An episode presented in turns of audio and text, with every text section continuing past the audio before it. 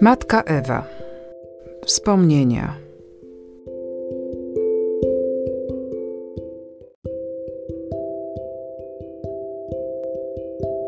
Wiatr wieje gdzie chce.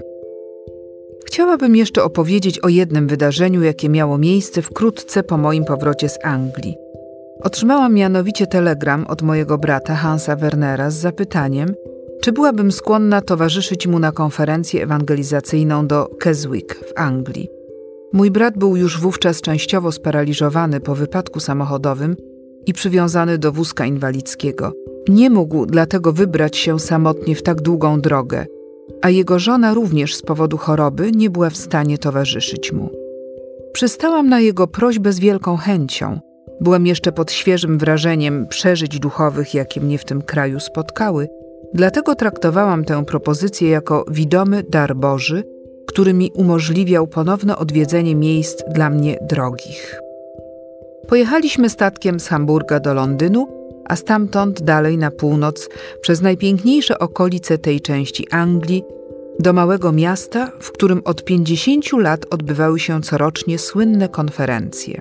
Swój początek wzięły one od ruchu studenckiego w Oksfordzie w latach 70. naszego stulecia. Na tych konferencjach udzielali się najsłynniejsi ówcześni ewangeliści, tacy jak Otto Stockmayer, Theodor Monod, dr Pearson i wielu innych znanych mężów bożych.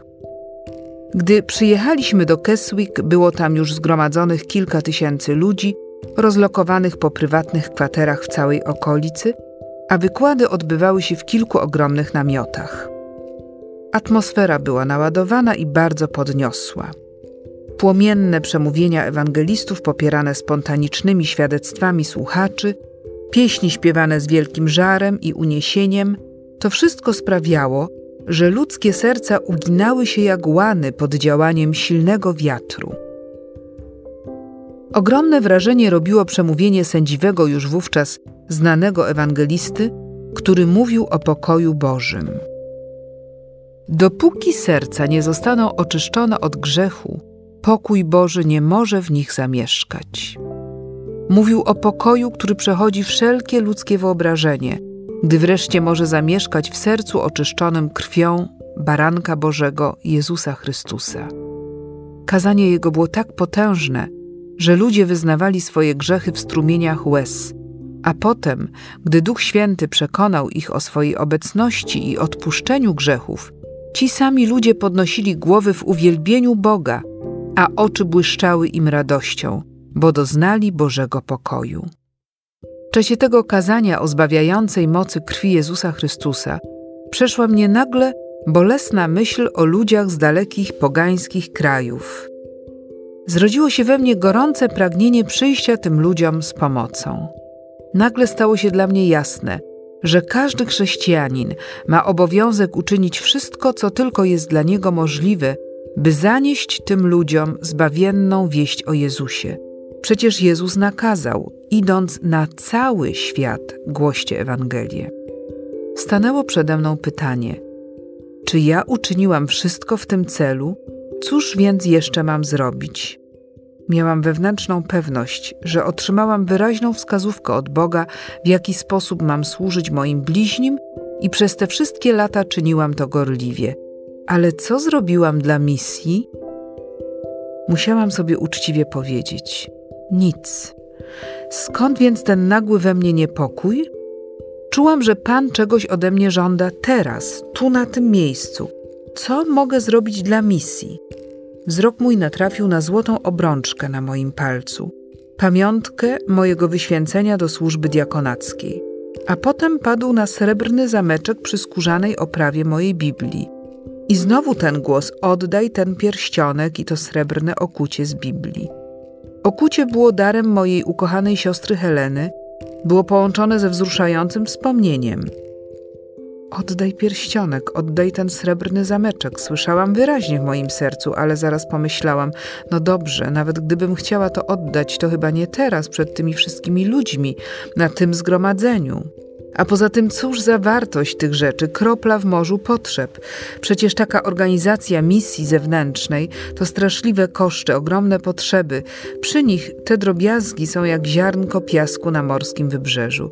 Nie, nie mogę teraz tego zrobić. Owszem, chętnie oddam na ten cel wszystko, co jeszcze posiadam, choć właściwie nic mi już nie pozostało z tego, co miałam, ale przecież nie tutaj, nie w ten sposób. Tak sama ze sobą mocowałam się, a jednocześnie czułam drugi głos wewnętrzny, który nie dawał mi spokoju, tylko żądał: Oddaj, oddaj nawet te drobiazgi, jakie posiadasz. Byłam tak pochłonięta toczącą się we mnie walką, że straciłam zupełnie kontakt z tym, co dalej mówił sędziwy ewangelista. A gdy się ocknęłam, zgromadzenie dobiegało końca. Pośpiechu opuściłam namiot, myśląc w głębi ducha, że to wszystko jakieś urojenia, że podobnie absurdalnych rzeczy nie mógł mi przecież podsunąć duch Boży. Prędko więc przeszłam do innego namiotu, gdzie w tej chwili odbywały się zebrania niewiast, prowadzone również przez znane ewangelistki. Byłam spóźniona. Ogromna sala na tysiąc osób, pełna po brzegi. Usiadłam na schodkach prowadzących na podium, gdzie już siedziało kilka młodych dziewcząt. Gdy weszłam na salę, śpiewano właśnie pieśń, której refren brzmiał: Mów, panie, mów, bo sługa twój słucha. Podczas przemówienia pierwszej prelegentki ogarnął mnie powtórnie ten sam niepokój co poprzednio. Ciągle od nowa odczuwałam wezwanie: weź pierścionek, zapinkę i oddaj na cele misyjne. Znowu chciałam stłumić ten głos, ale nadaremnie. W końcu doszłam do wniosku, że chyba sprzeciwiam się woli Bożej, że chyba jestem nieposłuszna wobec Jego głosu, który przecież dopiero tak bardzo chciałam usłyszeć. Tak więc, gdy skończyło się przemówienie, zerwałam się z miejsca i drżąc na całym ciele z onieśmielenia, postanowiłam wykonać Boże polecenie. Przeprosiłam, że przeszkadzam i w prostych słowach, gdyż moja angielszczyzna nie była doskonała, Wyjaśniłam, jak w czasie porannego przemówienia w drugim namiocie odczułam wewnętrzną potrzebę podarowania czegoś na fundusz misyjny, aby wieść o zbawczym dziele Jezusa Chrystusa mogła dotrzeć do krajów pogańskich. Ponieważ sama już właściwie niczego swojego nie posiadam, chciałabym oddać dwie małe moje pamiątki. Powiedziałam, że zdaję sobie sprawę z ich małej wartości, dlatego początkowo chciałam zwalczyć tę myśl, ale jednak mi ona nie dała do tej pory spokoju, więc oddaję te dwa małe drobiazgi, nie mając nic innego do ofiarowania. Potem usiadłam na swoim miejscu na schodkach, wyjęłam z kieszeni mały scyzoryk, wycięłam srebrny zameczek z pokrowca Biblii. Zdjęłam też z palca pierścionek i podeszłam do podium. Jedna z siedzących tam prelegentek wyciągnęła do mnie swoją otwartą Biblię, a ja położyłam na niej te dwie małe rzeczy. Byłam tak zawstydzona, że nawet nie zauważyłam, co dzieje się wokół mnie, i dopiero gdy dotarł do mnie dziwny ruch z sali, podniosłam głowę. I wtedy zobaczyłam podnoszące się ze swoich miejsc słuchaczki, które podchodzą jedna za drugą do podium, składając na otwartej Biblii różne dary. Były tam zegarki, bransoletki, portmonetki pełne monet, całe stosy najróżniejszych cennych przedmiotów. Jedna z dziewcząt położyła cenny pierścionek, który miała po zmarłej matce, inna osoba dała pierścionek ślubny, a każda składająca swój dar składała również w paru słowach świadectwo wiary. Co jakiś czas trzeba było opróżniać Biblię z tych cennych przedmiotów, gdyż następne już się na niej nie mieściły. W pewnej chwili wystąpiła młoda dziewczyna i powiedziała: Jestem uboga, nic nie posiadam, dlatego oddaję samą siebie. Dzisiaj stało się dla mnie jasne, co mam uczynić. Pojadę na misję.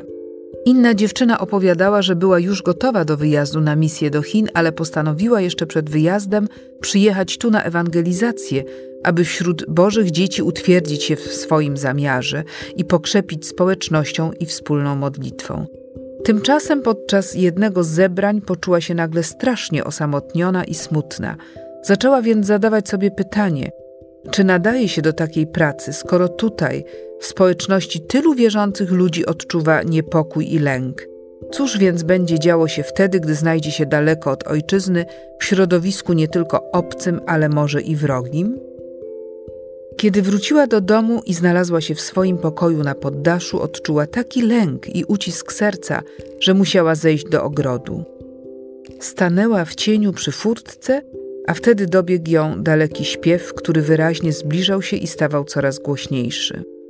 Wtedy rozpoznała melodię pieśni śpiewanej tego dnia na ewangelizacji. Teraz rozpoznała i słowa: Już się nie bój dłużej, jam przy boku twym.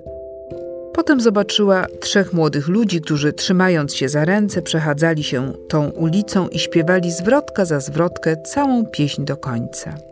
Byli to uczestnicy tej samej ewangelizacji, na której i ona była tego popołudnia. Przechodzili koło jej furtki kilkakrotnie, ale w cieniu jej nie dostrzegli. Stała i słuchała słów tej pieśni jak urzeczona, bo jej treść była przeznaczona dla niej. Była odpowiedzią na wątpliwości, na lęk i obecny stan ducha. Wraz z tą pieśnią stąpił na nią kompletny spokój i pewność, że ma jechać na misję tak, jak postanowiła. Pan będzie z nią i nigdy jej nie zostawi samej. A gdy teraz jest tutaj, na ewangelizacji ma już zupełną pewność, że to Pan jej tą drogę przygotował. Pojedzie więc i będzie opowiadać o cudownym Zbawicielu. Będzie opowiadać ludziom, którzy o Zbawicielu nigdy dotąd nie słyszeli. I znowu przeżyłam coś, na co nie byłam przygotowana. Moje wahanie, czy wystąpić z drobną ofiarą, okazało się niepotrzebne, bo na własne oczy oglądałam, jak Pan się do tej ofiary, tak skromnej i tak drobnej, przyznał i ją pobłogosławił. Gdy wróciłam do hotelu, nie miałam nawet siły opowiadać bratu o moim przeżyciu, ale to jeszcze nie był koniec tego wydarzenia. Następnego dnia odnalazła mnie ta ewangelistka, która oddała swoją Biblię do składania na niej darów i powiedziała mi rzecz najważniejszą. Otóż okazało się, że poprzedniego dnia o godzinie dziewiątej zebrało się kilka niewiast obsługujących ewangelizację, aby się wspólnie modlić i prosić Pana o błogosławieństwo dla ich usługiwania. W trakcie modlitwy jedna ze współuczestniczek, która była członkiem chińskiej misji wewnętrznej, zaczęła głośno prosić Pana o wspomożenie ich pracy misyjnej, gdyż znajdowali się wtedy w dużych trudnościach materialnych. Siostra ta powtarzała kilkakrotnie i dobitnie następujące słowa: Panie, uwolnij Twoje dzieci od próżnych błyskotek i kosztownych klejnotów, a napełnij nimi kasę Towarzystwa Misyjnego. To była dokładnie ta sama godzina, o której ja odczułam wewnętrzny rozkaz. Oddaj pierścionek i zapinkę Twojej Biblii na cele misyjne. Teraz dopiero zrozumiałam, skąd wzięła się u mnie ta uporczywa myśl, która nie dawała mi cały czas spokoju. Była to Boża odpowiedź na konkretną prośbę siostry w innym namiocie o wspomożenie misji za pomocą kosztowności uczestniczek zebrania. Przez ten drobny akt mojego posłuszeństwa otworzył Bóg tamę dla rzeki darów składanych na otwartą Biblię. Potem dowiedziałam się, że potok tych darów nie zatrzymał się tego wieczoru, ale jeszcze na drugi dzień na ogólnym zgromadzeniu w wielkim namiocie przybrał na sile. Bóg wysłuchuje modlitw, zwłaszcza modlitw konkretnych o określone sprawy. Gdybyż o tym ludzie wiedzieli, ale Bóg potrzebuje też narzędzi, które mają czułe ucho na Jego wezwanie. Wtedy może On dokonywać wielkich rzeczy przy pomocy pozornie małych i nieważnych działań.